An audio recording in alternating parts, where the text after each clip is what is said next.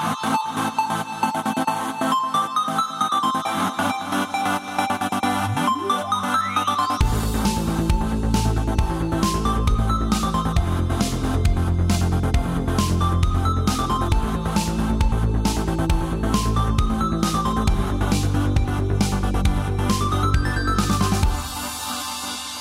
Hallå där och välkomna till Nördliv. Vi är tillbaka äntligen efter nästan två månaders uppehåll av den ordinarie podden. Uppenbarligen har vi inte varit väck i och med att ni förra veckan hörde den här absolut superstora Gotia-avsnittet. Eh, det hände det ena och det andra kan man lugnt säga. Lyssna på det om ni inte har gjort. Jag vill inte spoila något. Men eh, jag tyckte personligen var ett jättebra avsnitt. Eh, jag är nöjd. Jag hoppas alla andra var nöjda som var med. Det, vi får se. Jag hoppas att Ja, ni alltså, är nöjda. Hela min topp 6 kom ju faktiskt in i slutändan, så um, Oj, jag är oj, definitivt nöjd. Så, Ja. Även om eh, Skönt. platserna skilde sig lite mot hur jag hade placerat dem. Ja, där hörde ni matte. Mm. Idag är det nämligen jag, Fredrik, matte Mm. och Vicka är med för första gången. Hallå? Hur känns det? Jo då, det ska nog, eh, ska nog gå bra. Ja, Vickan, det, det, jag tror definitivt det kommer bli jätte, jättekul i det här 384 avsnittet och eh, den här gången är det lite allt möjligt vi kommer snacka om. Uh, vi kommer köra en blixtrunda på vår kära Vickan här. Eh, men efter det kommer vi gå på de individuella nyheterna precis som vanligt och sen in på vad vi spelat, vad vi sett och vad vi gjort och så vidare. Vi har även en qa fråga såg jag och den kommer lyfta.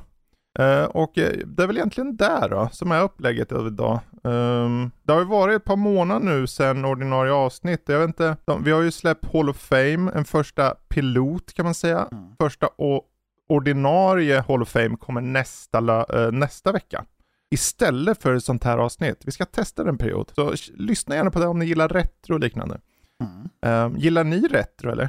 Eh, ja, det får jag väl ändå säga att jag gör till, viss, eh, till viss mån. Gör jag. Eh, Du då Vickan? Det är väl retrostilen tycker jag om, men beroende på Ja. vilket retrospel det är så kan det vara väldigt frustrerande. När man är van vid att bli ledd i handen så som det är på lite mer modernare spel. Mm. Vad är retro för dig då? Retro för mig, det är väl, ja 90-tal är väl retro.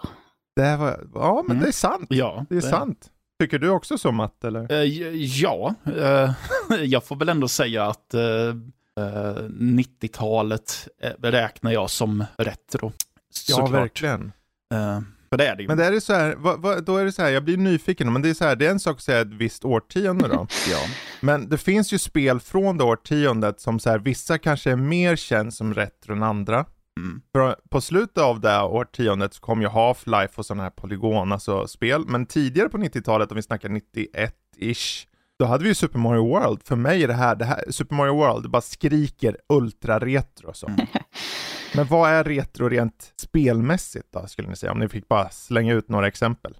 Alltså jag vill väl att det ska ha gått eh, en 20 eller 30 år i alla fall i mitt huvud tänker jag. Men jag vet Ja. att några, men det kanske har att göra med att jag inte vill erkänna hur gammal jag själv är riktigt. För jag vet ju att några drar säger att ja, men är det 10 år gammalt, då är det retro. Vilket betyder att till exempel Amnesia The Dark Descent är ett uh, retrospel. I så fall. Jag såg en video Mm. idag där eh, de gick igenom Battlefield 3 för att det var retro. Aj då. Från 2011. Ja, men det är ju... Men hade du några exempel på spel typ som du känner det här är tydlig retro? Jag? Ja, eh, ni två. Nej men, eh, ja, alltså jag rör mig ju, eh, rör mig? Jag rör mig ju mycket i äventyrsspelsträsket, alltså, gam, eh, Mhm. peka, alltså peka klicka äventyrsspel rör jag mig mycket i och då blir det ju retro vare sig jag vill eller inte. Eftersom att de spelen som släpps nu för tiden har eh, mer ofta än sällan en eh, retroaktig, ett retroaktigt utseende. Mhm. Alltså pixelgrafik och så, med några undantag. Och sen, eh, men sen vill jag ju spela äldre spel i den Mm. genren också. Och då blir det ju retro eftersom att de faktiskt är sen 30 år tillbaka för det mesta. Mhm. Mm. Du hade inga exempel på spel eller? Eh, Va? Nej, jaha? Va? Jag sa ju en Ja, genre. Ja men jag vill ha exakta spel nu, kom igen. Ja. Ut med några spel. Okej, Beneath a Steel Sky, Monkey Island-spelen eller Sierras katalog som Kings Quest Mm. och så vidare. Precis, för det skulle vara kul att veta så här. om men ni sa 90 till exempel, Ja. eller vilken som är 90 så här, men vad är då retro där? För Mm. vissa av de spelen där kanske inte känns lika mycket retro för vissa, medan andra känns tydligt mer retro. Vad säger du Vickan? Har du några exempel som du kan komma på på rak arm som du känner eh, retro för dig? De första som ploppar upp är de tre första Zelda-spelen. Eh, där du Mm. har liksom, ja men du har sidvin fast du har ändå en öppen värld. Det är ett väldigt spännande sätt att röra sig runt. Eh, Precis. sen så är det ju Mario 64 och liknande eh, som man spelade Mm. på eh, min kompis gamla NES tror jag. Eh, Nintendo, Mario 64, Nintendo 64 där. Ja, ja men precis. Eh, och lite de, jag minns ju inte vad de hette. Men Nej. jag minns att jag var väldigt glad för att spela som Yoshi, men var väldigt dålig Ja. på det. Så min kompis som var van vid det, hon, hon fixade att jag hade en Yoshi och så spelade jag tills jag dog och sen så spelade hon Ja. vidare. Ja, men härligt. Ja, men nu ska vi fortsätta härligt. Jag hoppar vidare här raskt, för jag tänker så här, du sa ju ett par ord där Vickan, och när man säger vissa ord här, då blir man ju tvungen att fortsätta säga vissa ord, för att jag tänker vi ska köra en blixtrunda. Jaha.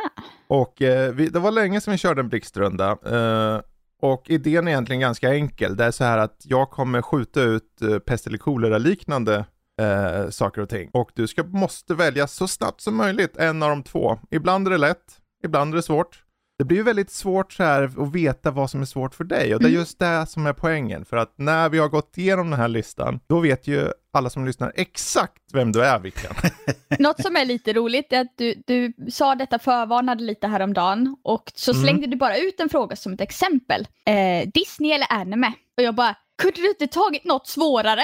det hade jag inte Precis. kunnat svara på. Ja, och det är ju så här också att det kan ju vara att alla är superlätt. Mm. Det, det, det märker vi. Och vem vet, det kanske, då går det ju snabbt i alla fall. Men nu pladdrar jag på för mycket, så nu kör vi. Blixtrundan, första är Lego eller Playmobil? Lego, Stardew Valley eller Harvest Moon? Stardew Valley, Eh, Star Trek eller Star Wars? eh, Star Wars, Animal Crossing eller Pokémon? Animal Crossing, Ja, jag tycker om att det är väldigt självklart hittills. Hund eller katt? katt, Ja, det är bra. Eh, Ghost in the Shell eller, Aki, eller Akira? Eh, Akira tror jag. Banan eller äpple? Det här är en tuff. Mm, banan. Final Fantasy eller eh, Little Big Planet? Oh, eh, Little Big Planet. Hmm. Nintendo Switch eller Playstation? Nintendo Switch. Bamse eller Tintin? Tintin. Mario eller Zelda? Zelda. Jag såg, Ja. fick, jag gjorde hon en min där. Ja, ja. Det kändes som jag var något på spåren där. Ja, mm. NES eller GameCube? GameCube faktiskt. NES eller Super E NES? Oj, jag säga, där är jag för ung för att svara på. Jag har inte koll Ja. på skillnaden. Okej, du gör en pass Ja, där. pass. Okej, då vet vi. Eller vänta, vi tar den igen. Du måste säga. Okej, eh, eh, uh, nästa. Okej, hon hatar SNES, nu har ni Mhm. hört här. Uh, Kalle eller Musse? Musse. Jaha, Muss. Okej. Ja, uh, Full Metal Alchemist eller Cowboy Bebop? Full Metal Alchemist. Origin eller Uplay? Origin. Okej. Indie eller AAA? Indie. Mm. Ostbåge eller popcorn? Popcorn. Zelda Twilight Twins, eh, Princess eller Zelda Link to the Past? A Link to the Past. Eh, mysigast hittepå-ord? Glorb eller mononk? Glorp. Visst är det någonting härligt Ja, runt över det? Xbox eller Playstation? Playstation. Plattform eller RPG? RPG. EA eller Ubisoft? Oj, EA. Godis? Salt eller surt? Salt. Yes! Eh, vad skönt. Um, Okej, vi ska ta någon sist där. Pokémon eller Pikmin? Pokémon. Okej, den här är lite längre nu. Leva på 10 000 kronor i månaden och bara spela tv-spel. Eller 50 000 kronor i månaden och aldrig spela tv-spel igen. Bara spela tv-spel. Där har vi det. Där har vi det. Nu vet ni alla exakt hur vickarna så eh, härligt. Va, vad känner var det lätt? Eh, de, de flesta var ändå det. Ja, Ja. visst är det. det är så här, eh, ibland så har jag hunnit tagit och okay, kolla upp, okej vad är det hon har gillat så, ibland, eller han och hon, hen. Eh, och ibland så har jag inte hunnit alls. I det här fallet är det lite mer Jag har hunnit skriva Men- en del så du har ju lite koll ändå. Du, ja, absolut. Men det är så här, när du skriver eh, som recensioner så här, ja men då är du jämt så objektiv Ah, och jo. duktig och så. så.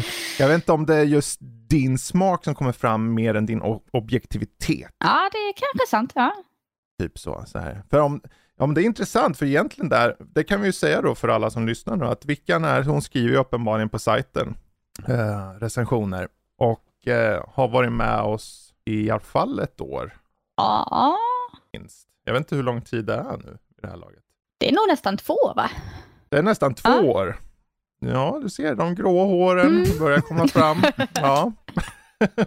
Ja, ja, det, det går snabbt. Så Mm. det. Ehm, men vi kan göra så här, något som också går snabbt det är just uh, förloppet här, hoppa över till individuella nyheter. För jag tänker vi tar, hoppar in på just nyheter och ehm, jag tar ton först här då. Mhm. Bara för att vara en sån filur. Och jag tänkte jag ska eh, stanna, för det är så här, vi har ju inte haft eh, ordinarie avsnitt på nästan två månader. Och det har med all säkerhet hänt enormt mycket grejer och vi kommer inte, vi har, jag har inte minne för allt om jag ska vara helt ärlig. Utan jag har bara plockat fram egentligen tre grejer, varav två egentligen tillhör samma och det är Game Awards. Uh, och Game Awards gick ju av stapeln där i, ja vad var det? Eh, någonstans i december. Ja, det känns väldigt länge sedan. Ja visst gör det det. Ja. Det gör det. Ehm, och egentligen det, det är två grejer där. Först vill jag bara nämna några av spelen som jag tycker är värt att uh, highlighta. De faktiskt fick eh, datum. Var lite nytt där ändå. Mm. Det var faktiskt en oväntat bra Game Awards, eh, tycker jag personligen. Eh, Ja, ja, men det tycker jag med. Sen eh, fanns det ju vissa sneers, så att säga, alltså några snedsteg här och var, men eh, på det stora hela, sett till utannonseringar framförallt, så var det ju oväntat bra. Ja, Mm. och det, det är just det, där kommer vi till min andra nyhet sen. Men Mm. om vi börjar med att jag fokuserar lite på vilka spel som har släppts. Ni får jättegärna hoppa in om ni vill säga något om de här. Ja. Annars river jag bara av några av de här som jag tycker står ut lite mer. För mig personligen, jag är ju en sån där idiot som samlar på allt som är Hellboy, för jag läser Hellboy, Mark Mignolas, det ska vara dark and gritty med mycket folksagor i grunden. Som han baserar på. Och det kommer ett Hellboy-spel som heter Hellboy Web of Word. Eh, Vyrd, eller hur man säger det. Och det ser ut att vara väldigt mycket inspirerat av just tecknarstilen från, eh, från eh, de grafiska novellerna. Jag har inget datum. Uh, den highlightar jag mest för att jag är egoist. Så. Men på ett större plan så hade vi Atomic Heart, kommer 21 februari.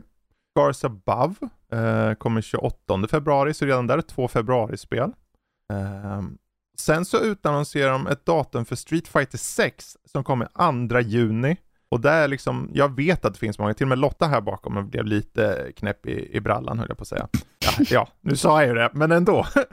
och eh, sen hade vi Bayonetta Origins, Seriesa and the Lost Demon som ser ut att vara någon form av spin-off, en prequel, 17 mars. Suicide Squad Kills the Justice League fick datum 26 maj. Och det här spelet är ju nu eh, styrda av Rocksteady, de som gjorde Batman Arkham-serien. Så jag personligen, okej, nu får vi se. Nu får vi se. Jag personligen ser ju Batman Arkham-serien som en av mina favoritserier. All time typ. Um, Last of Us Part 1 till PC kommer 3 mars. Och det är, så här, det är bara ett ytterligare spel i raden av de här Sony-spelen som kommer till PC. De utannonserar för övrigt även Returnal kommer till PC. Ehm, vilket är intressant för många av de här spelen har var, var med i den här Nvidia-läckan som kom för några år sedan. Och alla har betats av och visat sig vara sanna. Så det är spännande. Star Wars Jedi Survivor 17 mars.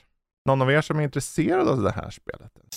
Lite grann. Jag har ju fortfarande Mm. inte kört eh, Fallen Order än dock, Mm. så jag kanske måste få eh, den tummen ur om man säger så. Ja, nej men det Mm. låter väl spännande. Jag har inte heller spelat än. Eh, men jag har sett min, min sambo spela en hel del och jag Mm. blev lite skrämd av all plattforming som ändå ingår. Det, det är ju Mhm. fantastiskt att det är en så stor del av spelet. Men jag som ofta ramlar av kanter känner att jag får ta mig an Men det hur är det i, spel då? i. Nej, jag skojar bara. Oj, oj. Eh, nej, men så. Ramlar av kanter. eh, så det, det ska bli jättespännande att få en fortsättning på den. Eh, för det känns Ja. ändå som att, jag vet inte hur det slutar, men att slutet var väldigt öppet och spännande. Mm, precis. Eh, mycket story där. Och sen hade vi ju Baldur's Gate 3 kommer komma i full version augusti 2023. Ehm, och eh, ja, här kommer gammelmannen fram igen. Jag blev super, super, super glad av att se att Diablo 4 får ett datum 6 juni. Mm. Eh, juni ser ut att bli en ganska stark månad. Det är eh, som sagt Street Fighter eh, och Final Fantasy 16 släpps den månaden. Så att det är en stark månad där i sommar. Eh, och sen då de slutligen, jag hoppar över en del, ni får jättegärna om ni vet något som jag missar nu så får ni ta upp det i så fall. Men vi hade ett spel som även heter Crime Boss Rock A City. 28 mars eh, kommer det och det såg ut att innehålla en, de, en jättestor drös B-skådisar typ. Uh, Michael Madsen, Michael Rooker, mm. um, ja det var någon, någon känd kvinna också som jag har glömt namnet på. Men det var bunt ja. eh, karaktärsskådisar och lite annat. Eh, och det såg ut att vara någon form av Payday-inspirerat heist, halvt open world-spel. Precis. I första person, om jag inte missminner mig. Mm. Så att, eh, ja, intressant. Uh, Phantom Liberty, expansionen till Cyberpunk 2077 släpps också och nu introducerar de Idris Elba med som en spelbar karaktär eh, och förmodligen en an ankare i den storyn. Um, och sen då hade vi som sagt Final Fantasy 16, 22 juni kommer där. Jag vet att många är superhypade, framförallt vår kära lille Jesper. Och slutligen Armored Core, vad blir det? 6? Ja. Fires of Rubicon. Så From Software-spel och då är det så här i, i vakvattnet av Elden Ring så är det många som åh, vet jag, öppna upp för en helt ny mainstream-publik. Och jag har en känsla av att de bara, åh vi måste köra det här Armored Core, det är ju From Software igen och så börjar de köra, men det här är ju stora meckgubbar som bara slår skiten ur saker. Vad, vad är det här? Ja. Vad är det, här? det här är ju inte Elden Ring. Jag har en liten, liten känsla att det kommer finnas en sån publik. Jag hoppas för deras skull att de gillar såklart. Um... Ja, jo, alltså det, ju, det, kommer ju helt klart vara en drös människor som köper det bara för att det är from soft. Ja. Sen eh, får vi ju se om vad de säger om att det är mexuits och grejer. Ja, jag ska vara helt ärlig, jag har nog aldrig kört ett Armor Core, uh, core faktiskt. Jag har sett namnet någon gång sådär. Uh, och nu varför jag lyfter egentligen, för om vi ska vara helt ärliga. Det finns ingen typ av genre som är mer ointressant än mech. Nej. Alltså det är, det är så här, det är så här. Jag kommer ihåg ett spel från förr som heter Shogo Mobile Forces eller Advance eller någonting som är ett anime-liknande spel med en snubbe som satt sin suit. Alltså det här var länge, långt, långt tillbaka. Det här var det senaste jag tyckte var bra och då har jag ändå kört Mech Warrior-serien. Och till och med de är så här, eller vänta, Titanfall har ju typ Mech. Uh, ja, jo det så. har det ju. Och Titanfall 2 är ju faktiskt ett fenomenalt spel, så det, det, det är okej okay, fine. Mm. Men i det här fallet, det blir intressant att se mottagandet. Mm. Jag vet inte om ni har någonting rent så här sett till uh, line-up uh, av vad som utannonserats som ni känner att uh, ni vill belysa eller någonting? Jo, jag hade väl ett eller två spel som jag vet att jag hajade till på, men jag verkar inte ha antecknat. Okay. Tror jag inte. Och om jag antecknade så vet jag inte vart jag har gjort av dem. Jag kollade på datorn, det fanns inte där. Jag kollade på telefonen och det fanns inte där heller. Så mm, det, det, fanns saker som jag var intresserad av. Men... Eh, ja, en, en stor grej var att de utannonserade Death Stranding 2. Uh, eh, och Tecken 8 också. Uh, alltså det fanns ju fler där. Jag hoppade över vissa av dem mest för att jag personligen inte är lika intresserad. De nämnde också att Replaced återigen ska komma 2023. Jag vet inte om ni vet vilka det är. Det är en sats sidskrollande cyberpunk. Det var nog ett av dem som jag faktiskt... Uh... Det ser fenomenalt ja, ja. ut gör det.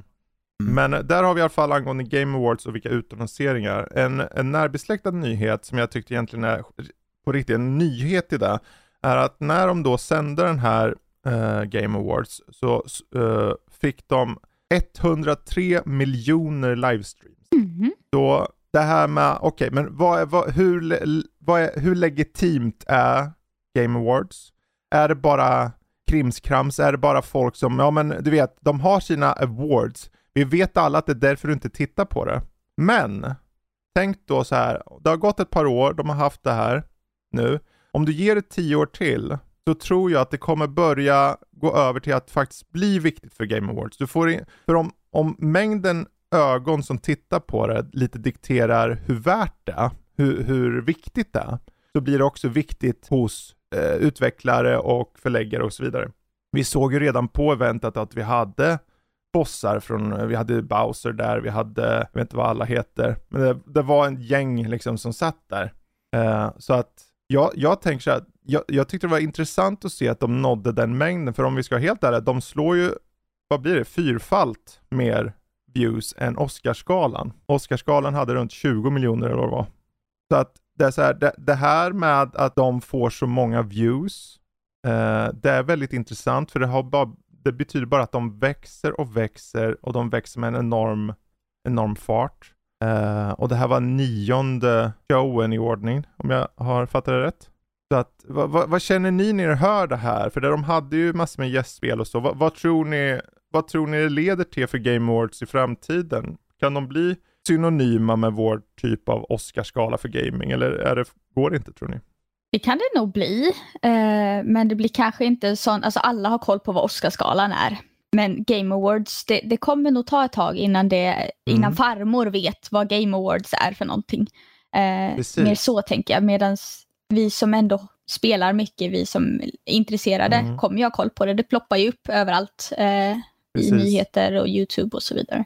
Ja, bra betraktelse där, för egentligen, det är intressant du säger farmor där till exempel, för jag tror som Oscarsgalan som hållit på i över, vad är det, 80 år mm. eller någonting, så är det såklart att för varje år som går så hinner folk åldras med galan. Precis. Och här är det egentligen samma form av trajectory då, så att om vi bara ger det x antal år så kommer farmor veta det, för farmor var en del av kulturen när det begav sig. Ja men precis. Um, för jag tänker bara för min del, jag är 40 plus och jag har varit med i gaming-sammanhang nu i 30 år typ. Där. Men på den tiden, alltså förr, då var det ju aldrig den här typen av sak. Det var så att de hade någon minigala, började för kanske slutet av 90-talet eller någonting, men det var bara, du vet, så här booth babes och fånerier. Men nu för tiden är det så legit att, att, de når den här mängden människor nu, ger det tio år så, går, så åldras ju alla tillsammans med dem. Och jag tror, om jag finns med i publiken, så finns det många med mig i min ålder.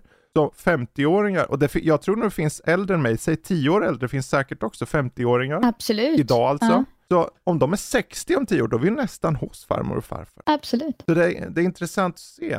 Jag vet inte, jag tyckte det var bara kul att se mängden views, Uh, det dikterar ju såklart inte kvaliteten av det, för det är ungefär som att jämföra med Transformers-filmen. Om det var hur många som helst som tittar på dem, det måste, ergo det måste Fast vara bra. Fast är det många som ah! tittar på det så gör det då något att det egentligen inte är top notch? För att folk tittar ju ändå. Precis. Det finns ju många sådana här långdragna galer som man tittar på för att man ska lite grann. Mm, det är sant. Ja, och än en gång, om vi ska vara helt ärliga, folk tittar ju för att få revealsen. Mm -hmm. Det är ju inte en käft som bryr sig riktigt om Game Wars. Det finns någon käft där ute. Jag är helt säker på att, och förlåt om ni är en av de käftarna.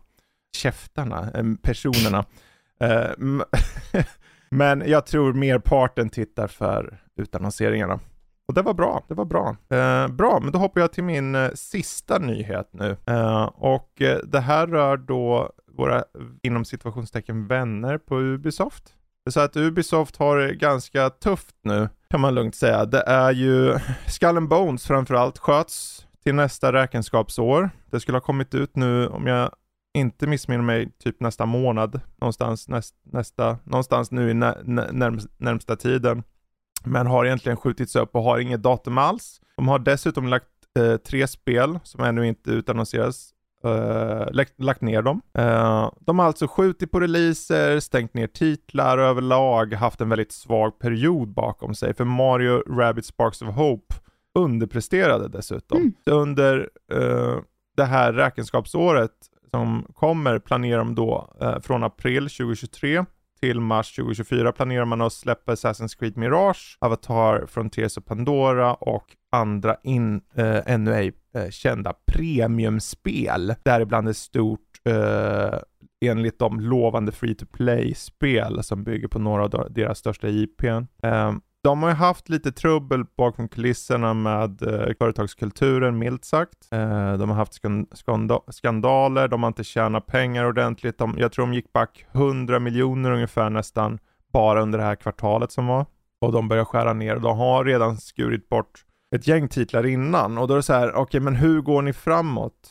Uh, de har ju, de, man undrar så här, ni vet när man lyssnar på nyheter och man hör Square Enix eh, uh, CEO snacka om att vi ska ha NFTs och liknande. Och då tänker man, hur tänker du? Hur tänker du nu? Och jag tror tyvärr att det har mycket med det ekonomiska, för om du har aktieägare som kräver att det ska gå bra, så letar de sätt att tjäna pengarna. Och Ubisoft har också varit i NFT-lägret och försökt att tjäna pengar. Men jag tror att för varje gång de försöker lyfta någon av de här dumma idéerna så ger det i gengäld bara en sämre image och ger det en sämre image blir det mindre hype för spelen och blir det mindre hype för spelen så säljer de sämre och säljer de sämre så går det sämre för dem. Då vill de tjäna lättare pengar och så försöker de hitta dummare idéer. Så det är en dålig spiral. Vad känner ni allmänt om, om Ubisoft och läget där och vad tror ni, hur, vad krävs för att förbättra det? Ja, de, Finns det något sätt? det krävs väl att de eh, faktiskt eh, får ut sina hypade titlar. Eller sina.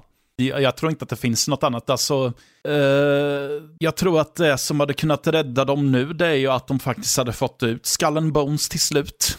Mm. Mm. Faktiskt. Men eh, ja, jag vet inte, alltså får de inte ur sig någonting så eh, tror jag att det bara kommer bli eh, sämre för dem. Ja, det är inte lätt. Nej. Vad säger du Vicken? Har du någon tanke på det här? Jag tror det kan vara lite dumt att försöka hitta en räddning. Alltså många Mm. spel som de har gjort har ju varit väldigt älskade. Så att ändra konceptet kan ju vara en lösning, men ändrar man och lägger in saker som folk är tveksamma till så kommer det inte gå bättre. Mm. Nej, sant. Nej, det, det, det är intressant att se hur det kommer gå för dem. Um, de sköt förvisso upp uh, Skull and Bones, men de har ju ett spel som släpps nu den eh, 17 februari. Mm. Eh, det heter The Settlers New Allies. Det är en fortsättning på Settlers-serien, det är en reboot nästan. Och jag vet med säkerhet att jag personligen är jättepepp, eh, men jag vet samtidigt att inte en annan person i världen är pepp på det här spelet. Så att eh, de, de, de står inte och, det är inte det spelet som kommer rädda dem. Oavsett hur pepp jag personligen är på den serien, så vet jag. Eh, de behöver komma med annat krut. Um, så här, det, efter just hur den här företagskulturen varit med den här, jag vet inte, det har varit en sunkig företagskultur, uh, det har varit trakasserier eller det har varit prat om det och, Mm. och, och liknande, så är det så här, okej, bör- det är ju så många aspekter av det här som ni behöver ta itu med. Så hur, vart börjar man och hur, de ska spara in på pengar nu, 200 miljoner var det tror jag, de skulle spara in genom att stänga ner projekt och liknande eh, inom närmsta året. Och eh, det är så här, okej, vad får ni ut som storspel under tiden? Ja. vet inte. För Mirage, alltså Assassin's Creed, Mirage må vara Assassin's Creed, men den spin-off på Valhalla som i sin tur gör, och det här spelet är en, en ren stealth-spel, Mm. verkar det som. Och det är, så här, det är ju lite, inget illa ment om stealth, men det är nischat om du jämför mot deras open world Valhalla. Mm. Så, så att, eh, kommer de känna storkovan där? Nej, jag vet inte. Nej, det är svårt och sen så det är ju lite intressant att, eh, att tänka på hur corporate gamingvärlden är nu för tiden. Så är det ju Mm. bara att man kollar på hur läget har varit i Ubisoft och man kollar även som du nämnde Square Enix så ser man att ja, det är väldigt mycket företagstänk numera. Precis. Ja, ja, men där får vi egentligen sätta punkt för mina nyheter så ska vi se vem som vill ta ton härnäst. Ehm, ja, jag tycker Vickan ser väldigt sugen ut. Så, Absolut. Eh, vad har du? det första är väl egentligen ingen nyhet utan snarare ett rykte som eh, florerat runt lite. Mm. Och det är ju bilder på eh, OLED med Zelda-tema. Tears of the Kingdom. Eh, som är då, det ser ut att vara en bild på kartongen, bild på Mm. joyconsen och bild på liksom Mm. dockat i, eh, i switchen då. Och Mm. de ska vara lite i det här vita som OLEDen är fast med guld och gröna runor på. Lite sånt som vi har sett Okej. ifrån trailern. Eh, och detta är ju från någon eh, på Twitter som ändå brukar eh, läcka eh, lite spännande grejer som har slagit in. Eh, Pixelpar tror jag det var. Mm. Eh, så det, det är spännande. Det hade varit roligt ifall vi får en sån. Men samtidigt, det ska släppas i maj. De kan inte släppa spelet separat ifrån en temakonsol. Eh, så ja, när släpper de den? Och Mm. ja, det är tajt. Ja, intressant. Så alltså en, en OLED-switch med Zelda Tears of the Kingdom Tema, precis. Ungefär Ja. som vi har haft Animal Crossing och eh, Ja, liknande. just det. Pokémon. Vet du vad, jag skulle tippa på att de släpper den ungefär en månad innan release. Det är kanske är sant, det bara känns eh, som att det har kommit till Splatoons och sådär ändå i lite Mm. i samband med att man kan Ja, Nintendo spelen. har ju förvisso, det har du rätt i. Nintendo har ju i regel varit lite mer nära inpå. Men det kanske Men det så här, kommer jag- nu någon Nintendo direkt här i februari eller något. Det är inte Det gör det säkert. Men det är intressant du lyfter för jag tänker så här rent spontant, om det är någon, om det är någon titel som de kan tjäna extra mycket på att sälja den här typen av konsoler då. Det säljer som Det smör. Tears. Ja, Tears of the Kingdom, alltså det är ju den titeln som är den stora Nintendo-titeln under 2023. Så att kapitalisera på det genom att släppa, säg den här eh, OLED-versionen av switchen, säg antingen två till fyra veckor innan release, så du bara kapitaliserar på det här fram till release och har den Ja. redo. Det kan vara det smarta valet. I deras fall, Nintendo gör vad Nintendo gör, så att i deras fall ska de säkert släppa det på dagen och bundla med spelet. Ja men det är lite det där, Ah. om man förbeställer spelet typ en månad innan. De flesta som förbeställer spelet gör ju Mm. det så fort man kan. Men jag har hållit lite på det. Eh, och då är det väldigt segt ifall jag har förbeställt spelet lite innan och sen så samma dag så Mm. släpps det en konsol. Men du, en snabb fråga då, apropå, för om du förbeställer, förbeställer du då en specialutgåva eller ordinarie? Eh, jag förbeställer oftast eh, ordinarie, men jag vill ju ha det fysiskt. Okej, ja, men du förbeställer då för att du ska få hem den på posten? Ja, liksom, på dagen snabbt så att jag har det så Mm. fort som möjligt. Eh, Okej. så. Ja, för jag kände, det var någon jag pratade med någon gång som förbeställde, men han brydde sig inte när han fick det. Och då frågade jag, men varför förbeställer du en ordinarie version då? Du kan ju bara gå ut i handeln. De kommer ju inte ta slut liksom. Men eh, i det här fallet, det är ju helt förståeligt. För jag är också sån, så här, om jag beställer från webbhallen eller någonting så får jag det på dagen liksom, i regel. Precis, och så som jag bor nu så är det inte säkert att eh, elektronikbutikerna vi har här får in dem. Zelda Nej, antagligen, men man vet ju liksom inte. Exakt. Jaha, hade du någon eh, mer nyhet? Eh, ja, eh, Mm. jag fick en notis om att eftersom Netflix satsar på spel och allt större spel eh, så har Mm. de fått in eh, Teenage Mutant Ninja Turtles Shredders Revenge som mobilspel. Eh, jag har inte hunnit starta upp det och se hur väl det funkar.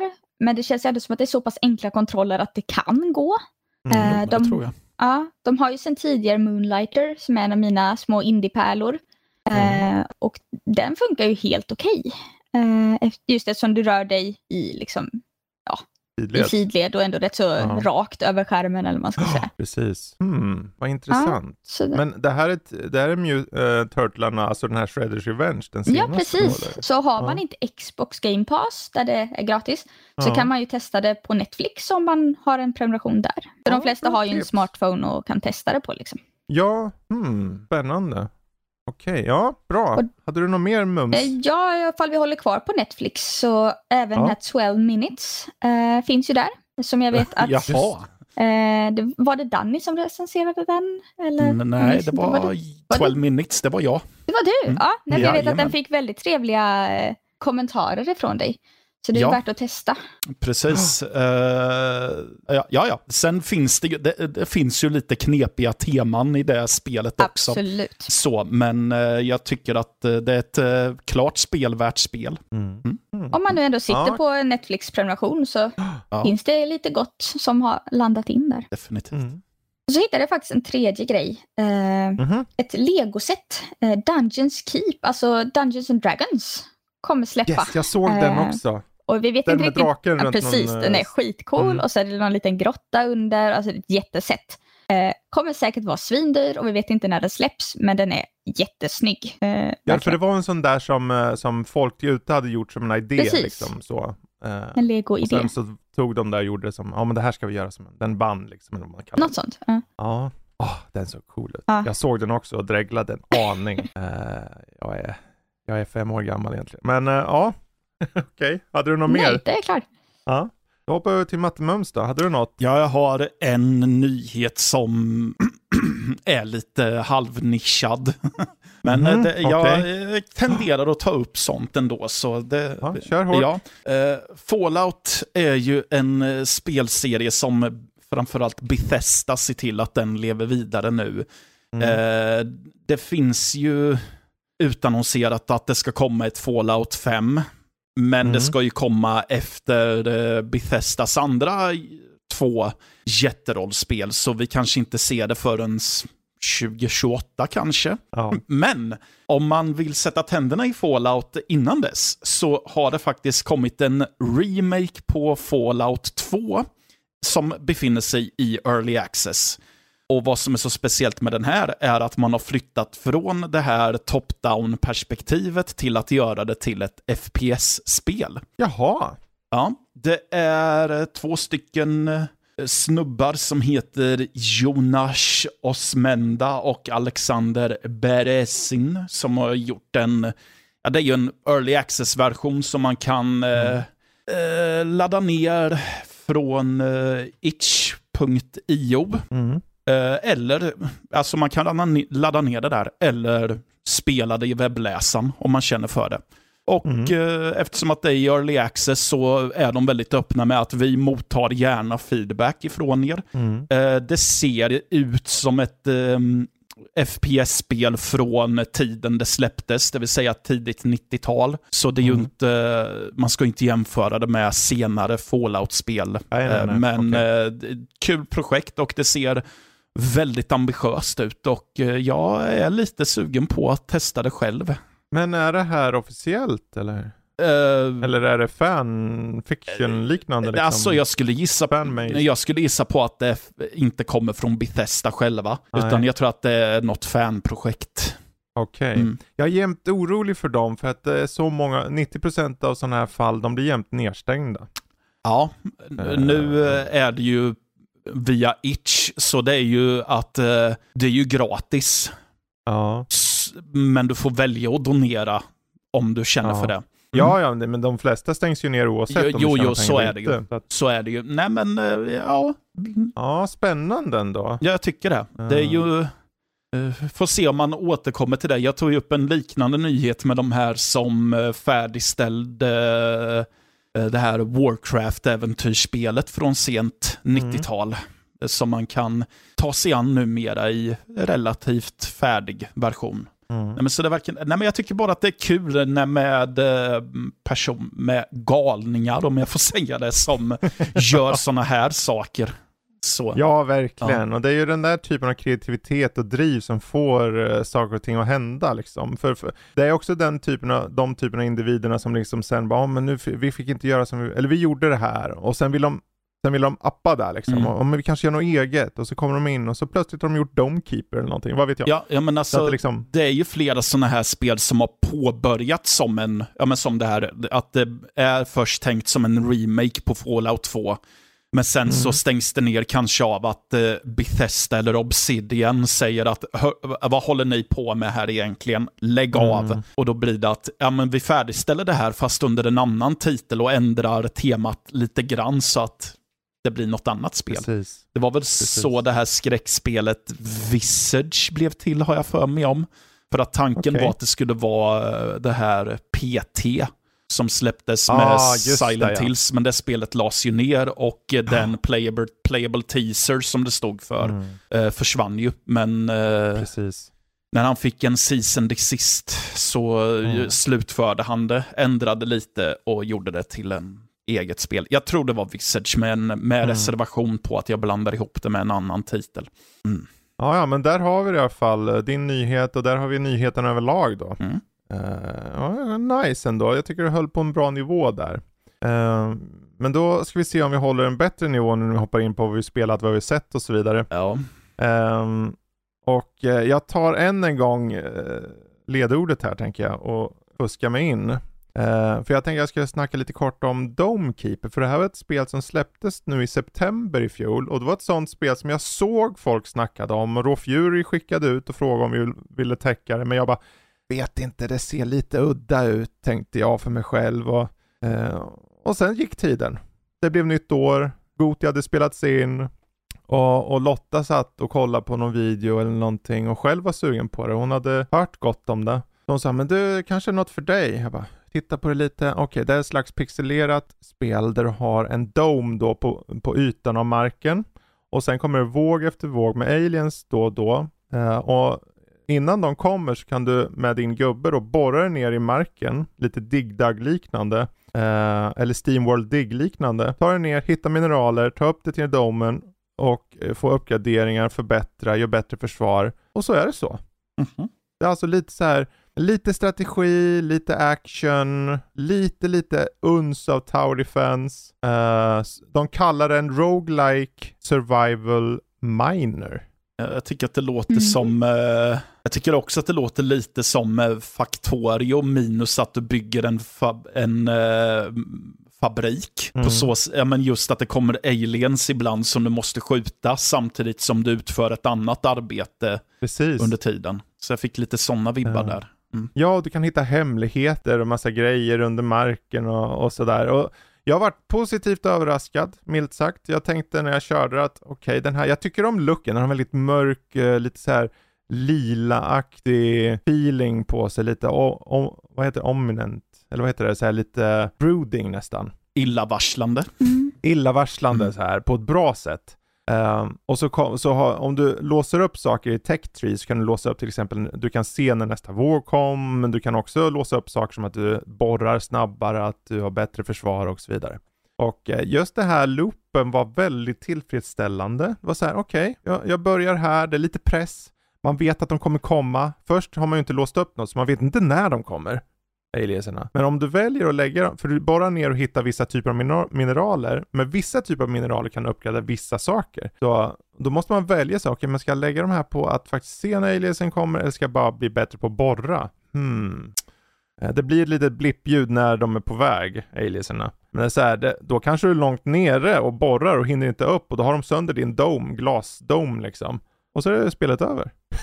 Aj då. Så det, det, får lite, man får lite så här, eh, det är lite så här hektiskt men eh, lite härligt så. Jag vet inte om det vinner att det klarar sig i långa loppet så, för jag märkte efter jag hade kört och låst upp ett gäng olika saker, man kan givetvis byta olika typer av domes, olika saker därunder då som finns här. Eh, men att det vart lite så här, okej men nu, jag kände mig lite klar med att relativt snabbt. Inte klar som att jag klarar spelet, men mer som att okej jag känner mig mätt lite grann så. Eh, det var stabilt, det var bra. Och jag tycker om idén och jag blir väldigt så intresserad av, okej men vad gör de här utvecklarna härnäst? Uh, Bippin Bits, som de hette. Eh, jag, jag, vill hålla utkik efter dem. Jag, jag tror att, eh, att de har mycket gott framför sig. Så att det är egentligen Domekeeper. Ja, så det har väl blivit känt som en slags sleeper-hit. Att det var så här Mm. att det här är Goti-spelet som ingen spelade eller något sånt där. Ja. Typ så ja. Mm. Hade, det är faktiskt så här, för jag funderar på det, för vi hade ju redan spelat in Goti vid det här laget och man låser, vi försöker låsa den här tavlan när vi skriver in nominerade spel. För att inte, för att vi ska alla kunna ha tid till att spela spelen. Mm.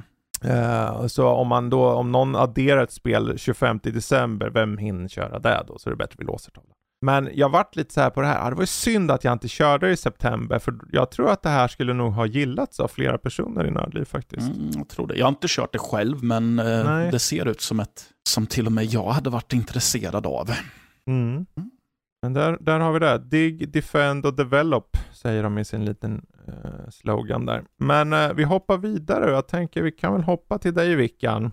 Har du något spel du skulle vilja eh, prata lite gott om? Här? Eller Ja. bränna upp? Det, kan, det vet jag ju inte förstås på förhand. Nej, eh, det är ett spel som jag recenserade i eh, höstas och jag har faktiskt inte plockat upp det igen. eh, För Mhm. det var ett RPG och när man är klar så är man klar. Ja. Men det är The Cruel King and the Great Hero. Mm. Googlar man på det så får man upp barnboksbilder. Det är jättegulligt, en svart liten drake, eller stor drake, med en liten kungakrona och sen så en, en liten eh, flicka med mantel och en pinne. Ja. Eh, Känns som det kommer ett men? Precis. Eh, åldersgränsen på det här spelet blir man förvånad över. Jag minns inte ifall den var Aha. satt till 12 eller 15.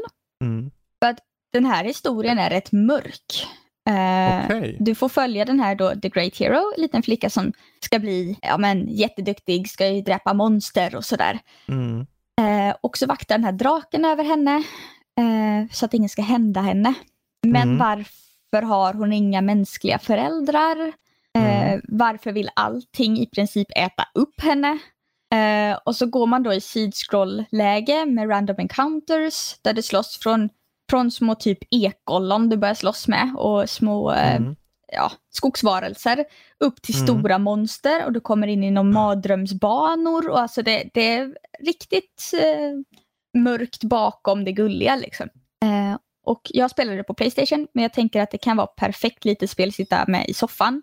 För det går långsamt och vissa sträckor är lite repetitiva. Men Mm. väldigt mysigt litet spel. Så jag är bara en liten sån här stjärna på den. Eh, Ja. Kanske inte Goti-material, för jag hade inte nominerat den eller sådär. Men en av mina favoriter. Sånt spel att sitta och mysa lite med. Ja, för jag sitter och kollar på det lite nu. Jag tycker om artstylen Mm. väldigt mycket det här. Det ser väldigt mysigt ut, men det har, det är som du säger, det har någon ton av, någon ödesmättad ton Precis. nästan över sig. Och man, man känner det. Alltså, jag fick nästan pausa och lägga ifrån mig kontrollen mot slutet. Mm. För alltså, det var hjärtskärande. För det blev Ja. verkligen sådär, du lyssnar på en liten saga precis som när du var barn. Sen kommer det allt mer vuxna teman och du märker Mm. liksom att huvudkaraktären förstår inte vad det är som händer. Eh, Den är ja, Mm. gripande. Ja, men det där, nu blir jag jättepepp här. Ja, jag med. Ja. för jag behöver fler spel att spela. Ja. Ehm, Ja. ja, varför inte? Nej, men jag tror den har flugit lite under radarn. Eh, Mm. Just för att många ser det och bara, mm, nej, inte för mig. Eh, men det, ja, nej, faktiskt. Ja, okej, men där har vi det alltså. Eh, the Cruel King and the Great Hero. Mm. Som det heter. Och eh, Kungen i skutan, Matte. Vad har du för något spel? Åh du, jag har så, Dra jag har så mycket gott här. Ja, du som uh, påsen. jultomten. Ja, jag är som Ja. jultomten. Nu ska vi se vad vi har till Ja, barnen nej, men ta jag- fram ett tåg. Jag var ju faktiskt inne på det lite förut när jag pratade om eh, Fallout eh, 2, remaken. Mm. Jag har ju spelat Warcraft Adventures, Lord of the Clans. Eh. Och då för er som inte vet vad är det här, så är det ju då ett äventyrsspel som Blizzard ämnade släppa 1999 tror jag. Eller något Mm. sånt, eller 98, någonstans där. Men eh, spelet varit försenat och eh, eh, eh, företaget, de utvecklaren de så som eh, största, eller vad säger man? Utgivaren de så som förs, största kon konkurrent var i LucasArts. Och först när de hade utannonserat det så var The Curse of Monkey Island ute. Och det var så här, okej Mm. det kan bli tufft, men vi har en chans. Men eh, jag tror att LucasArts hann och, och i alla fall utannonsera, men jag tror till och med att de hann att släppa Grim Fandango. Och Mm. då, det var typ där det vart, nej, nu har vi inte en chans. Vi, vi, vi, Nej, hur ska vi släppa ett äventyrsspel eller peka och klicka då? Liksom? Ja, precis. Med ett spel som liksom tog genren till eh, ett helt annat kontrollschema och Ja. flyttade till 3D och så. Så de övergav skeppet. Sen var det för några år sedan läckte det på olika hemsidor där man kunde ladda ner spelet, för det var ju spelbart fortfarande. Mhm, Men mhm. det fanns ju inte ljud i vissa cutscenes. Det är lite kul att det är helt tyst och sen helt plötsligt så hör man eh, några röster som dyker upp och känns Okej. jättefel. Men förra året så var det no två stycken entusiaster som jag glömt bort namnet på som eh, bröt sig in i källkoden, animerade nya cutscenes och eh, fixade till en massa kontinuitetsproblem. Så nu finns eh, spelet i eh, så mycket fullversion det förmodligen bara kan bli. Mm. Eh, och ja, det är ett underhållande spel och det är ju väldigt ambitiöst, jag, för jag har lite svårt att avgöra vad som är vad som fanns från början och vad som inte fanns. Eh, sen märks det ju att det är ofärdigt. Dels så, det, är, det är ju att spelet känns så fruktansvärt oslipat. Lite så. Det är eh, väldigt mycket latency, så om du klickar så kan det ibland ta eh, någon sekund innan figuren rör på sig. Jaha, Det, ja. det var okej. två dialogscener där, förmodli, där det förmodligen inte finns inspelade röster. Eller- vid tre tillfällen tror jag att det är. Det bästa av de tillfällena, då har de ändå klippt ihop den befintliga spel eller alltså den befintliga karaktärens röst. Fast Mm. de har klistrat in olika ord. Så det låter ju konstigt, men man hör ju att det är han. Men vid två tillfällen så finns det inga röster alls inspelat. Och då har de ju valt en sån här Stephen Hawking-röst som... Jaha, ja. Men borde de inte kunna, alltså jag tänker så här idag med all AI och grejer, Ja. de borde hitta någon sån här AI-grej som bara läser av alla röst, den här rösten och bara skapar egna ord. Ja, det var precis så jag tänkte, för det låter som att de har gjort så med en av karaktärerna, men vid två tillfällen Mm. så är det Stephen Hawkings röst du hör. Okej. Men i alla fall, spelet han... Eh, Stephen Hawking is in Warcraft. Exakt. Ja. Men handlingen i spelet är att vi spelar som en... Jag kan ingenting om Warcraft vill jag bara säga, men vi spelar som någon snubbe som heter Thrall, som är en ork som hittas av en eh, eh män, människomilitär ledare och han mm. förslavar Thrall och försöker ha honom som något slags hemligt vapen. Eh, men Thrall döms till döden för att han vägrar döda en annan ork. Han flyr ifrån fängelset och uh, uh, samlar ihop de olika orkstammarna för att störta den här elake människan. så. Men, ja. Jag tror inte att spelet hade varit superkonkurrenskraftigt när det hade släppts, för alltså pussellösningarna är de är logiska, men de är så pass logiska så att det blir självklart vad du ska göra. Mm -hmm. Även om det okay. i början är ganska kul, som när du flyr ifrån fängelset så ska du vid ett tillfälle klättra ut ur ett gallerförsett fönster. Hur blir du av med gallren? Jo, du sliter loss dem ifrån väggen bara. Ja, ja men enkelt då. ja, ja, ja. Ibland är det den enklaste lösningen som är svaret. Ja, ja, jag var, och det var bara något jag gjorde för att testa vad som händer. Och sen, jaha, okej, okay, det var lösningen tydligen. Det var ju, det var ju kul. Eh, vad som också är lite märkligt med spelet, det är dess ton.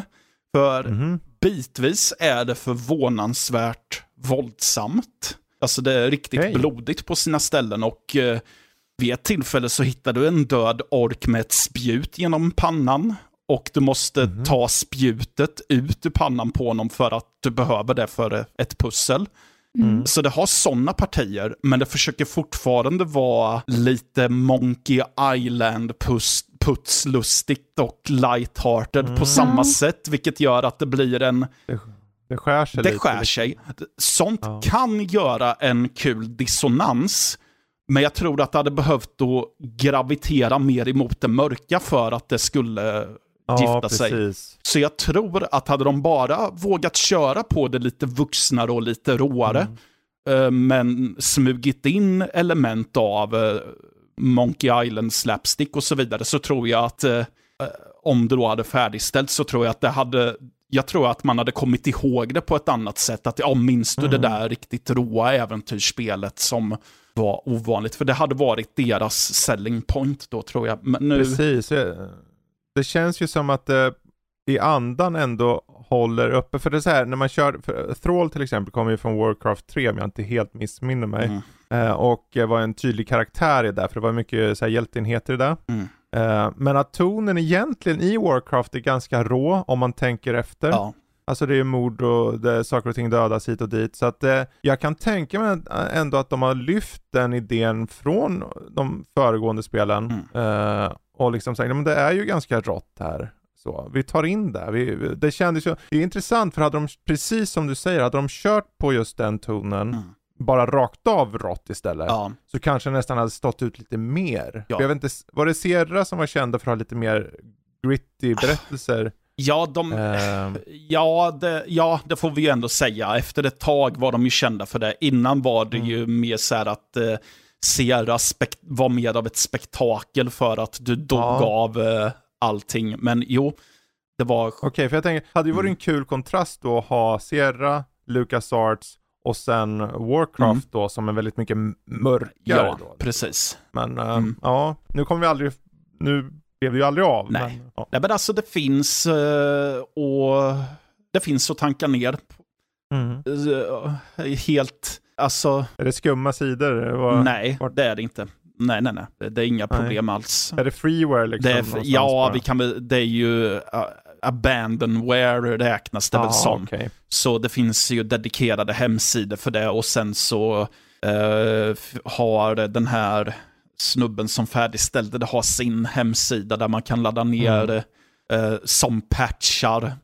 Uh, och det är ju främst för, för mellansekvenserna, så vad man gör är att man laddar ner hans filer och så byter man bara ut dem.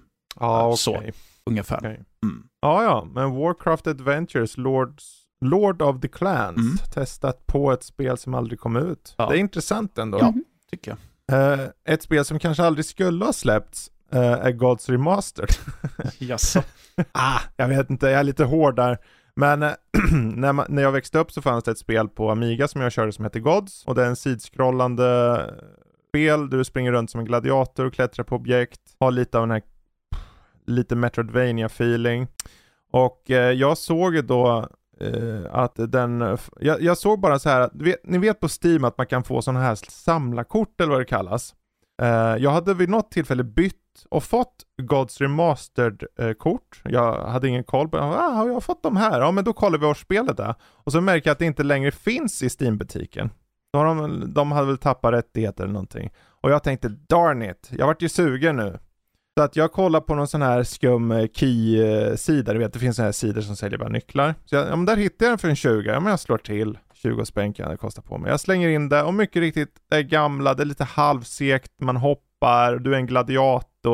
Um, men det är, ganska, det, det, är ju extremt troget, det är ju originalet, du kan till och med trycka på en knapp och se det originala. Och jag kom fram till snabbt att okej, okay, alltså 12 nivåer, fullt av monster och lite pussel och hemligheter och du uppgraderar gubben. Det kändes lite fräscht för vad det var på sin tid. Men idag står det sig ju inte för fem sekunder. Verkligen alltså. Det var så här, tiden har mm. kommit och gått för den här typen av spel. Då var det ju mer så här, när jag körde det, då var det mest, åh oh, det har coolt soundtrack och det ser lite coolt ut och man eh, är en gladiator. Men så var jag typ tio år eller någonting. Mm. Så att, vad visste jag? Och nu vet jag ju tyvärr bättre när jag kunde liksom köra, jag tänkte, ja men jag kör en stund. Jag klarar en tredjedel av spelet på en halvtimme och märkt okej, okay, nivåerna är jättesmå, så om jag bara håller mig borta från liksom bli träffad av vissa saker här och var, så är det busenkelt. Det har liksom inte, och det finns ju ingen riktig narrativ eller någonting, för det här kom på typ antiken.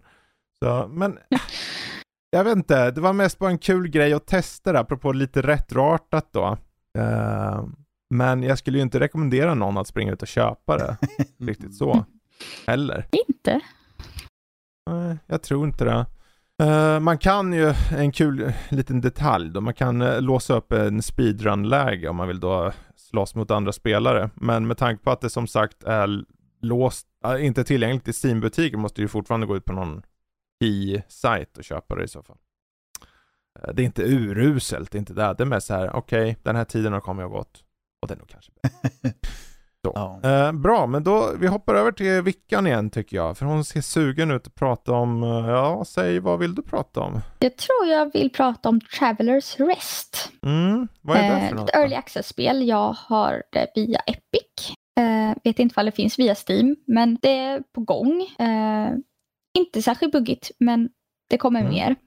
Det är ett pixelspel, eh, alla Stardew Valley eh, som vi ser många ah. nu eh, droppa in. Men det är mer fokus på att eh, bygga saker kan man säga. Eh, mm. Du stoppar in material i en maskin och den står och tickar. Och sen får du ut ett bord eller du får ut mm. Öl eller du får ut mat. För du ska nämligen samtidigt som du gör alla de här crafting, odling och så vidare eh, driva ett värdshus. Okej. Ja. Eh, därav då Travelers Rest. Eh, mm. Så du eh, öppnar när du vill på dygnet egentligen och hur länge eller hur kort du vill. Men du ska servera dina gäster när de kommer fram till disken. Och där mm. har du mat så är det bara liksom, ja ah, här har du. Men ska de ha någon av ölen eller vinerna som du serverar så måste du tappa upp det i en mugg och sen servera. Eh, samtidigt som du ska hålla koll på att städa, att det inte är för varmt eller för kallt. Aha, eh, och aha. att inte gästerna börjar stöka och störa andra gäster. Eh, och så samlar du då poäng. Eh, för när gästen går så ger den att tummen upp, tummen ner. Eh, och så får du då en poäng så att din, ditt värdshus går upp i nivå. Mm. Och när mm. du går upp i nivå så låser du upp nya saker. Så att det finns väldigt många skill trees där du låser upp mm. nya recept, nya grödor, nya spritsorter. Eh, och en meny som de inte utvecklat än, men det finns en liten tagg för det, är magi. Aha, eh, så okay. det mm. kommer komma mycket här. Eh, och än så länge så kan man bara gå och utforska ett litet, litet område norr om. Mm. Men det ser ut som att man även då kommer få en story bakom detta, alltså ett narrativ som driver detta framåt. Eh, och kanske ut och besöka lite grottor och skogar och sådär. Mm. Så det tror det kostar typ 90 spänn eller något eh, nu på Early Access. Eh, så tycker mm. man om Stardew Valley men vill ha något lite mer, inte tidspress, men lite mer aktivt kanske. Eh, mm. Så absolut, inga monster än så länge. Eh, så att vi, vi får se vad som dyker upp. Men det, ja. ja. ja Jag sitter och kollar på det nu, ja. alltså jag blir personligen ganska sugen på det här. Ja, det är jättemysigt det. att boota upp och spela man några in-game-dagar då. Eh, mm. Och så sparar det vid varje dygn så att det blir lättare. Ja, men jag tar en dag till. Ja. Eh, så det, ja. Oh, det ser jag, ser här att det är jag ser att det är verifierat för Steam Deck också. Ja, just det. Ja. Det här blir nice. Precis. Då ska jag nog... Uh... Jag såg att det finns äh... både tillgängligt på Steam och att uh, jag tycker att det ser mm. väldigt mm, Stardew Value-aktigt mm. ut, men det är faktiskt trevligt. På ett bra sätt ja. tycker jag ändå. Ja, ja men verkligen. Jag tror det kan funka både för tangentbord och för handkontroll, typ Steam-däcken mm. och sådär. Det är väldigt få knapptryck eller vad man ska säga. Mm. Så den, Ja, det är ett till spel jag måste spela. Ja, precis. Ja. Ack och ve, ah. vilket jobbigt liv jag har och har roligt. Ja. Det är ju fy, få förunnat. Ja, Nej, men, kul. Uh, tips. Mm, jättebra, jättebra. Uh, bra, Matte Mums. Alltså jag måste fråga, du är ju tillsammans med mig, om det inte finns någon mer i Nördliv som är inne i rallyspelens mecka här, men VRC Generations är ju uppenbarligen en fortsättning i VRC-serien. Ja. Finns det någonting du kan säga om det här spelet? Om det här är tydligaste skillnad från föregående, eller är det svårt? Är det bara en liksom förfräschning? Det är ju väldigt mycket en förfräschning. Jag skulle väl säga att jag upplevde det som att de har gjort det lite mer eh, lättillgängligt sett till bilhanteringen och just själva mhm. bilkörningen mm. så att den inte... För problemet med många rallysimulatorer är att de, det nästan ibland är synonymt med dem att det ska vara skitsvårt att eh, eh, hantera bilen av någon anledning. Mm. Det, det, det, är att bilen överstyr jättemycket och så. Men det här känns som att de har lagt det på en bra nivå. Och jag tror att ett skäl till det är att det första man får göra när man startar spelet är att köra en teststräcka. Och så får mm. du rekommenderat till dig vilka inställningar du bör ha igång och vilka som inte behöver vara igång alls. och så. Som, eh, jag tror att den enda inställningen som spelet såg åt mig att behålla var ABS, det vill säga an, något antisladdsystem. Vilket var väldigt skönt, för innan dess så var det som att åka med asfaltsdäck på en uh, frusen sjö ungefär. Oj då. ja, så. Nej men annars är det väl uh, lite det gamla vanliga sett till uh, karriärsläge. Du ska både köra bilen men du ska också vara manager för hela teamet och anställa folk och se till så att de vilar och gör det de mm. ska. Mm. Vilket är jättetråkigt. Jag ser jag. på Vickan, hon är så mm. jäkla sugen just nu ja. på det här rallyt. Hon, det är liksom det, här, det blinkar, åh jag vill ja. köra rally också. Ja. Den där sucken sa allt. Ja. men, Nej, men absolut. Ja. Men jag upptäckte ju dock att det finns en räddning för oss som bara vill köra bilen. Mm. Dels så kan man ju köra quick play, det vill säga välja mm. en specifik sträcka, en specifik bil. Men det finns något som heter season. Mm. Det är karriärsläget utan team management. Okej. Okay. Ja. Så det är bara liksom ett tournament med bilar, du bara kör Jajamän. och så blir, gör, gör, så bra du kan? Jajamän. Ja. Mm. Men det är det... skönt att man kan välja, alltså de olika, det öppnar ju upp väldigt mycket. Ja, absolut, Precis. det tycker jag med. Och det var väldigt skönt när jag upptäckte att det läget fanns. Det jag tycker är lite trist, det är att eh, du har olika typer av eh, bilklasser som du kan välja på i spelet. Men du kan bara välja mellan de välja och köra något slags karriärsläge i de tre dagsaktuella mm. klasserna. Du kan inte välja någon och köra historiska bilar i ett karriärsläge. Du kan inte köra bonusbilarna, vilket jag tycker är tråkigt. Um, ja. Men ja, en annan sak jag upptäckte häromdagen var när jag fick för mig om att jämföra det lite snabbt med Dirt Rally 2.0. Så insåg jag att uh, Dirt Rally 2.0 i mångt och mycket gör det som jag nästan efterfrågade att VRC Generation skulle göra. Det vill säga att okay. det, det, har, det är massor av bilar, av massor av olika bilar. Du kan köra en karriär med veteranbilar om du känner för det. Och så. Mm. Och eh, i simulatorläget när du ska hålla på och fixa med bilens inställningar och så. Vad VRC inte gör så bra i något av sina spel, det är att de inte riktigt förklarar för spelaren vad som är fördel och nackdel med att ställa in, mm. Eh, med att ändra vissa inställningar.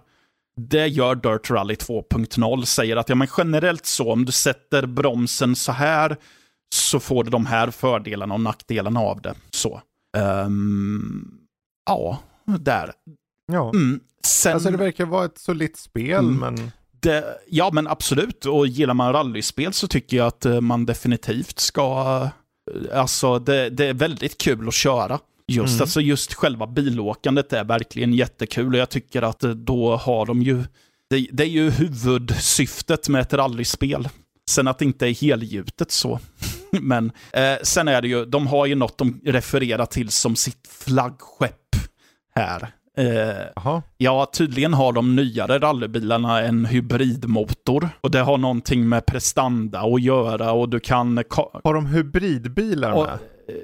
ja, Jaha, okej. ja, men... Hur fan simulerar man det? Ja, det gör de genom att du får en extra mätare som fylls på, på eh, successivt och så kan du kartlägga den när den ska användas typ. Anledningen till att jag, Jaha. låter, anledningen till att jag låter osäker är för att spelet förklarar inte så jätteingående hur det fungerar. De förklarade kort i början, men sen när du faktiskt kör en sån bil så blir det lite så här att du ser bara att det är en extra mätare som fylls Mm. på, men hur du ska, vad det gör. Jag vet inte om den gör så att bilen åker snabbare eller inte. Ja. De skulle behövt en sån här Stephen Hawking-röst som berättar. Precis som i... Ja, det hade... Exakt. Mer Stephen Hawking-röster. Mhm. Ja. Ja. ja, ja, men uh, VRC Generations, något mer vill addera innan vi... Det verkar ändå vara ett solidt spel. Det är inte som att det är dåligt. Så Nej. Det verkar bra. Nej, nej, Okej. nej, men man måste ju påpeka skavankerna Ja. också. Nej, men det är verkligen Ja, ja. ett solitt spel. Det ser jättebra ut. Alltså, eh, bi- eller i alla fall sett till bilmodellerna är väldigt Mm. fina och vägen du åker på är, ser jättebra ut. Precis. Sen om man tittar på hur publiken ser ut och när man ser övriga miljön så ser man att ja, det- är väl inte, det är väl inte eh, typ eh, Det är inte top notch. Eh, det är inte Horizon eh, Forbidden Mm. West eller God of War Ragnarök. Ja, m- eller Forza Horizon. eller Forza Horizon ens. Men Ja. jag tror att det kan nog göra med att, eh, bättre, att de vill försäkra sig om att prestandan är stabil. Precis. Man vill ju ha bilspel snabba och så att det ska kännas snabbt. Ja, så. Ja, Mm. okej, bra. VRC Generations. Det är svårt med rallyspel i det att eh, hur, hur toppar du en, en kategori eller en genre där det handlar om att köra bil? För det är där du gör i alla de här spelen liksom. Ja. Hur, hur tar du vidare? Men de har hittat sin nisch och det verkar de ändå göra bra. Ja. Bra. Ehm, bra, jag tänker vi ska kanske kika på något tv-mässigt här. Jag är nyfiken på den här Way of the House Husband. Ja, det är jag som... Vad är det här? Ja, det Vad är, är lite det det, man ställer sig frågan när man börjar titta på det här. Vad är det här? Ja. Eh, det är en eh, manga från början. Korta, korta Mm. avsnitt eh, av en eh, Kosuke Ono.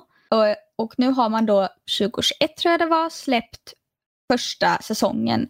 Eh, och det är alltså anime, korta avsnitt, 20-30 minuter. Men i detta så får vi korta avsnitt, kanske fem stycken, eh, där en för detta Yakuza eh, är hemmaman eh, Okej. i Japan. Eh, han går runt med ett förkläde på sig, typ dygnet runt. Så hans utstyrsel är Yakuza biligt, liksom, eh, ja, kavaj och sådär. Ja, ett ja, ja. beige förkläde med en shiba-hund på eh, Okej. och solglasögon. Eh, och han är då Okej. runt på de mest spännande ställen där då en hemmafru brukar hålla till. Eh, Mm, så mm. han är ute med fruarna i grannområdet, äldre damer och går med hundarna.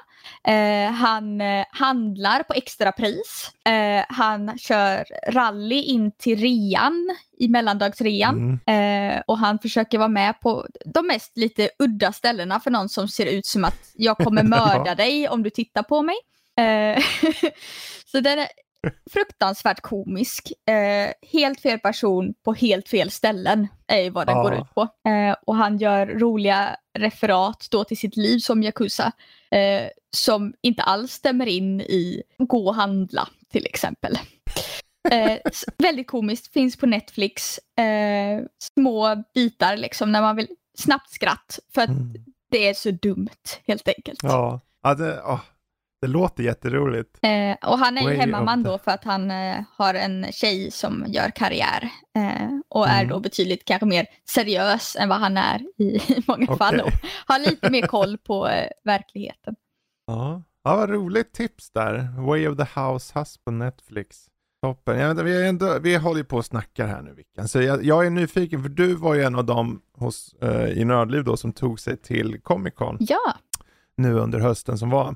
jag tror inte vi har berört det faktiskt för det var väl någon gång i november mm. och sen gick ju vi på uppehåll och, och så med, med de ordinarie avsnitten. Men uh, dels, uh, hade du varit på Comic Con innan? Nej faktiskt eller? inte. Jag har bara varit på uh, Närcon som större konvent. Annars så tycker Mm. jag de här små mysiga småstadskonventen.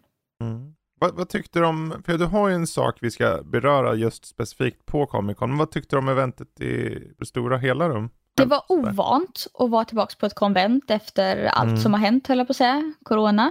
Ja. Eh, och ändå jättehärligt. Så mycket Ja. människor, cosplays från jag tog vad jag hittade i garderoben till jag har hållit på i två år och gör de här vingarna Ja, eller vad det nu precis. är. Eh, jättemånga häftiga cosplays som eh, hamnade på Instagram. Eh, Mm. Det var väldigt härligt att vara bland så Mm. mycket folk igen. Även om jag inte var med på så många aktiviteter och sådär. Bara få mingla runt, känna sockerruset i luften och all glädje liksom. Ja, det var faktiskt, det var ju första gången jag inte var på Comic Con på typ 7-8 år Mm. eller något tror jag. Eh, så jag är bara glad att vi var där vid Nördliv liksom på något sätt. Så det var du och Joel och Jesper var också där. Jesper. Ja. Så det var kul att se. Um, men jag tänker just angående då Comic Con, för du har ju skrivit upp här svenska för- fantasyförfattare på Comic Con och Revandia, vad säger jag, Revanianda-trilogin. ja, det är svårt att uttala. Eh, I huvudet låter det mycket bättre än när Mm. man säger det högt. Va, vadan nu detta? Ja, eh, först och främst, jag tycker det är svårt att hitta svenska fantasyförfattare. För vet du inte Mm. vad de eller deras serier heter så är det inte det som dyker upp när du är i bokhandeln eller tittar in Nej. på Bokus eller Akademibokhandeln eller vad det nu än är. Precis. Eh, utan där är det ju Star Wars, Dune, eh, ja, Mm. de stora grejerna. Harry Potter. Mm. Eller deckare, eh, eftersom Sverige är en deckarnation. Eh, Ja.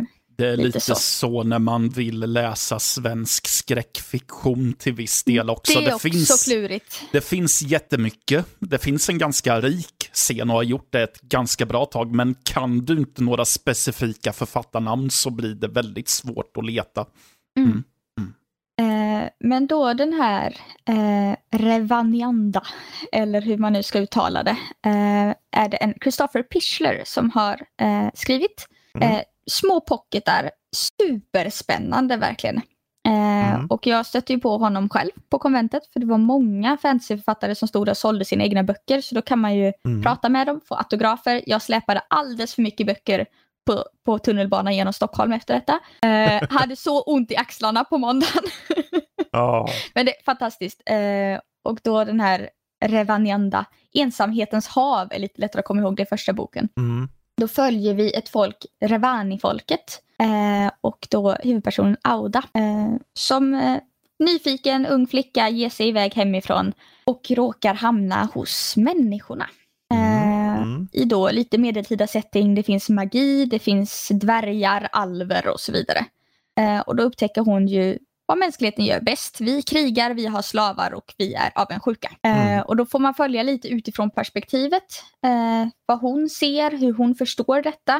Eh, och hon är ju slav fast hos en väldigt trevlig slavägare som hon blir vän med. Eh, innan då människorna har henne till fånga, mindre snälla människor och reser tillbaka till hennes hemland för att Mm. där finns helt plötsligt en nation man inte har upptäckt innan. Och då får man följa hennes Spännande, uppror spännande. emot människorna eh, i den Mm. första boken. Och I andra boken får man sen följa systern till henne. Och I tredje boken får man följa både, båda systrarna och även deras bror. Så man hoppar runt Mm. lite eh, i de olika länderna och eh, olika ja, nationerna helt enkelt. Mm. Väldigt bra, lättläst, mysig. Ja.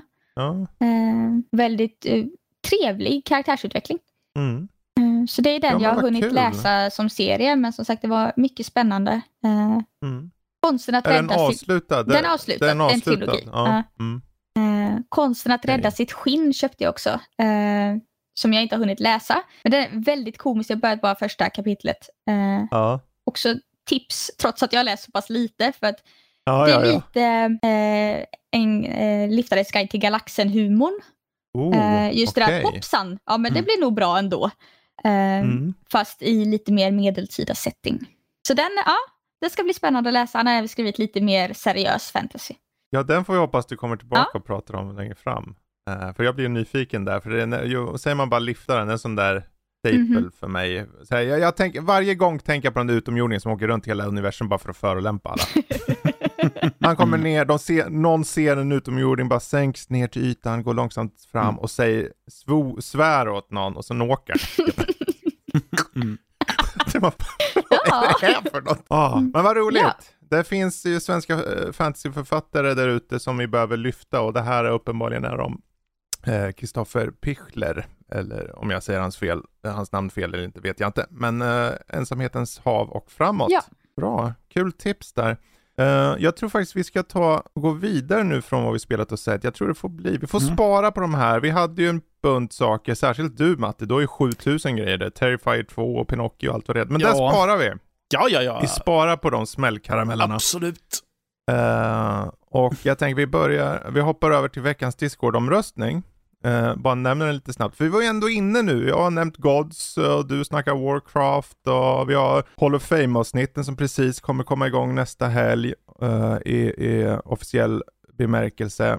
Så jag tänker varför inte ha en fråga angående retro? För när ni då tänker retro eller retrospel framförallt, hur långt tillbaka behöver ni gå, tycker ni, för att det ska vara retro. Fem år, tio år, 15 år, 20 år. Eh, där kommer vara frågan. Det kan vara att jag stöper om den till ett visst eh, årtionde istället. Vi får se. Det kan vara att jag skriver 2000-tal, 90-tal, 80-tal. Det skulle ju vara kul om det finns någon som typ eh, säger att ja men retro är ju saker som släpptes för ett år sedan till och med. Ja, men eller, den, den personen är en banan. Eller en vecka sen eller något sånt där. Så igår. Ja, men det finns alltid något. ja, det är väl igår. Ja, det är så här, det är, så, det är kul med det här hur man definierar saker. Ja. Eh, och jag tänkte det kan bli en kul fråga. Och för att nå den här Discord-omröstningen så ja, gå in på nörli.se eller nordlipodcast.se och på höger sida finns det en liten knapp, en Discord-knapp. Tryck på connect så poppar ni rakt in och eh, vi har då en Discord-omröstning, den heter omröstningar den chatten och där kommer det ligga en omröstning. Bara chatta där. Um, eller vad heter det? Rösta menar ja. jag. Um, skulle det vara så att ni mot förmodan har frågor, för det är egentligen nästa punkt här. Um, vi har ju en chatt som heter Q&A för podden. Man kan skriva en fundering, man kan skriva en fråga.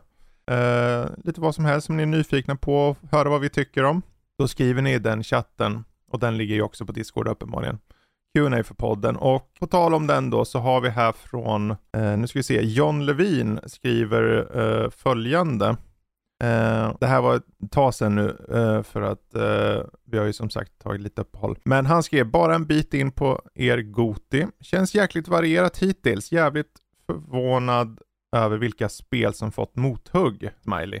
Uh, finns det något spel som precis kom utanför listan eller som inte hanns med? Då gissar jag på att det är spel som vi inte ens tar upp i topp 30.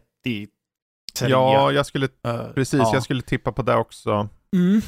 Uh, um, ja. Gran Turismo 7 skulle jag säga snabbt. Ja. I så fall. Den var inne en sväng mm. på eh, som nominerad tills jag kom på att den hade jättemycket mikrotrans mikrotransaktioner och tog bort den. Varefter de efter ett tag tog bort även mikrotransaktioner mycket mer. Varpå jag funderade på att ta in den igen, men då hade det gått så lång tid så att jag hade gått vidare lite grann.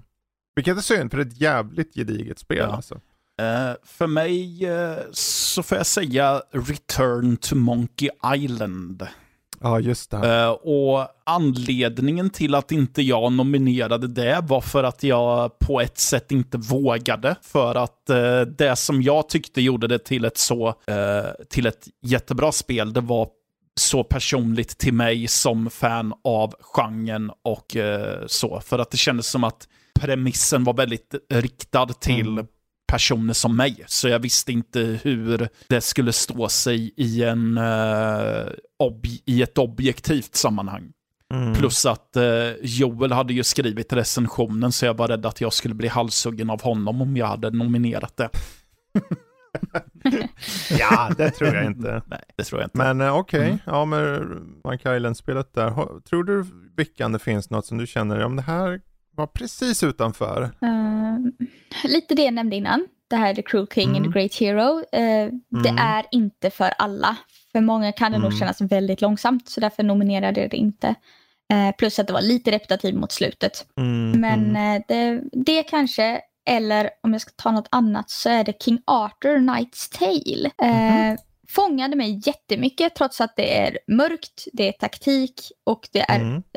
ja, udda. Eh, Mm. Men det, det har ändå en väldigt bra blandning. Du ska bygga upp då eh, riket efter att eh, kung Arthur har försvunnit som hans Mm. nemesis. Eh, Okej. så att du är den onda som nu ska bygga Mm. upp ditt rike och det är upp till dig att välja om du är ond, god eller mittemellan. För du får även ta lite beslut under vägen eh, som påverkar hur i skill trees då, vilka fördelar du låser upp och så vidare. Eh, väldigt komplicerat för att jag ska ta allting här men värt att kika in. Ja, men det, det låter ju verkligen som ett spel som så här, det var precis utanför listan. Um, jag funderar på det, man, man utgår ju mycket, i, i din fråga här John, finns det något spel som precis kom utanför listan eller som inte hanns med? Det är så här, på ett större plan, för jag utgick ju från mig själv när jag tänkte först här, men om jag tänker på spel som jag vet var stora spel som vi aldrig uh, tog upp, uh, Bayonetta 3 kom ju, en- blev aldrig nominerat ens. Eh, och jag tror det är för att Jesper körde det, men han var inte superhaj på det riktigt, eller superhaj, han var inte superpepp på det riktigt. Det var okej, men det var något som saknades. Jag körde det personligen och fann det obnoxious. Jag, jag tänkte att det här, det här, det här var, det här var bara för mycket det här spelet. Berättelsen och sånt. Så att det, men det, just det här att det är ett par olika personer som har kört vissa spel som inte har fått en full-on känsla för det betyder att det inte har kommit in och det, det platsar så nog då som ett sånt spel som, som många andra tror jag skulle ha haft med på listan. Ja, och sen så, det finns ju ett väldigt eh, uppmärksammat spel som vi aldrig ens eh, fick in för att recensera och det är ju det här Neon White eller vad det heter. Just det, Mm. precis. Exakt. Eh, och det är ju som i slut på din fråga där som inte hanns med. Hade vi också kört spelet i god tid så hade vi säkert liksom, om vi köpte det själva eller någonting, då hade vi kanske fått med. Jag har kört det efteråt och det är mycket riktigt ett väldigt underhållande spel. Uh, men det var lite så här too late, too little too late för mig då. Um, men det, det får nog väl bli svaren på uh, din fråga där, känner jag faktiskt. Um, så ska vi ta och börja runda av tänker jag. Men jag vet inte, vad säger du Vickan? Är, är du sugen på att köra rallyspel nu eller? Du sålde väl inte in det till mig som inte är eh, inkörd rallyförare? Inkört! Ja, eh, nej, men eh, kanske inte just Ja. det. Men jag kanske ska börja Nej. testa mig lite på rallyspel igen. Det var länge sedan nu. Ja, vi får väl se. Vi får se. Vi får hoppas att eh, du vill vara tillbaka igen längre fram eh, när du har tid och möjlighet. Eh, du är ju fast här i Nördliv. Nu sitter du här. Nu är det kört för dig. Oha. Nu sa hon mohaha. Uh-oh, ska jag vara orolig då? Eller? Va? Va? Ja. Ja, oavsett. Jag tänker det blir en bra liten avrundning där. Eh, är det så ni vill ha mer av oss, ni vet ju hur ni gör. Hitta er till vår sajt nördliv.se så hittar ni recensioner och möjligheten att lätt hoppa in på vår Discord. Eh, givetvis så kan ni nå oss via, via mail också på info at nordlivpodcast.se. Och jag kan nämna det att just nu så har vi även en, eh, en kampanj. Vi, vi söker fler skribenter. Så har ni så här suget att liksom testa spel, utforska vad, vad det finns där ute, eh, gillar att skriva och gillar att liksom som oss här snacka och bara ta itu med de här spelen och liksom förkovra oss. Hör av er på mejlet fredrik at nordlivpodcast.se vet jag. I övrigt är det som vanligt Twitter, Facebook och Instagram är nordliv.se. Hittar ni oss. Bra. Eh, tack Matte, tack Vickan för att ni var med. Alltid ett nöje. Ja, Mm. siktar vi igen på om två veckor. För nästa vecka är det Hall of Fame-avsnitt som släpps. Det är det första officiella. Eh, och vem vet, kanske gömmer sig lite racingspel där igen. Kanske. Vem vet? Vem vet? Jag vet, men ni vet inte. Så ja, men eh, ha det bra där ute och keep on gaming. Hej då! Hej då!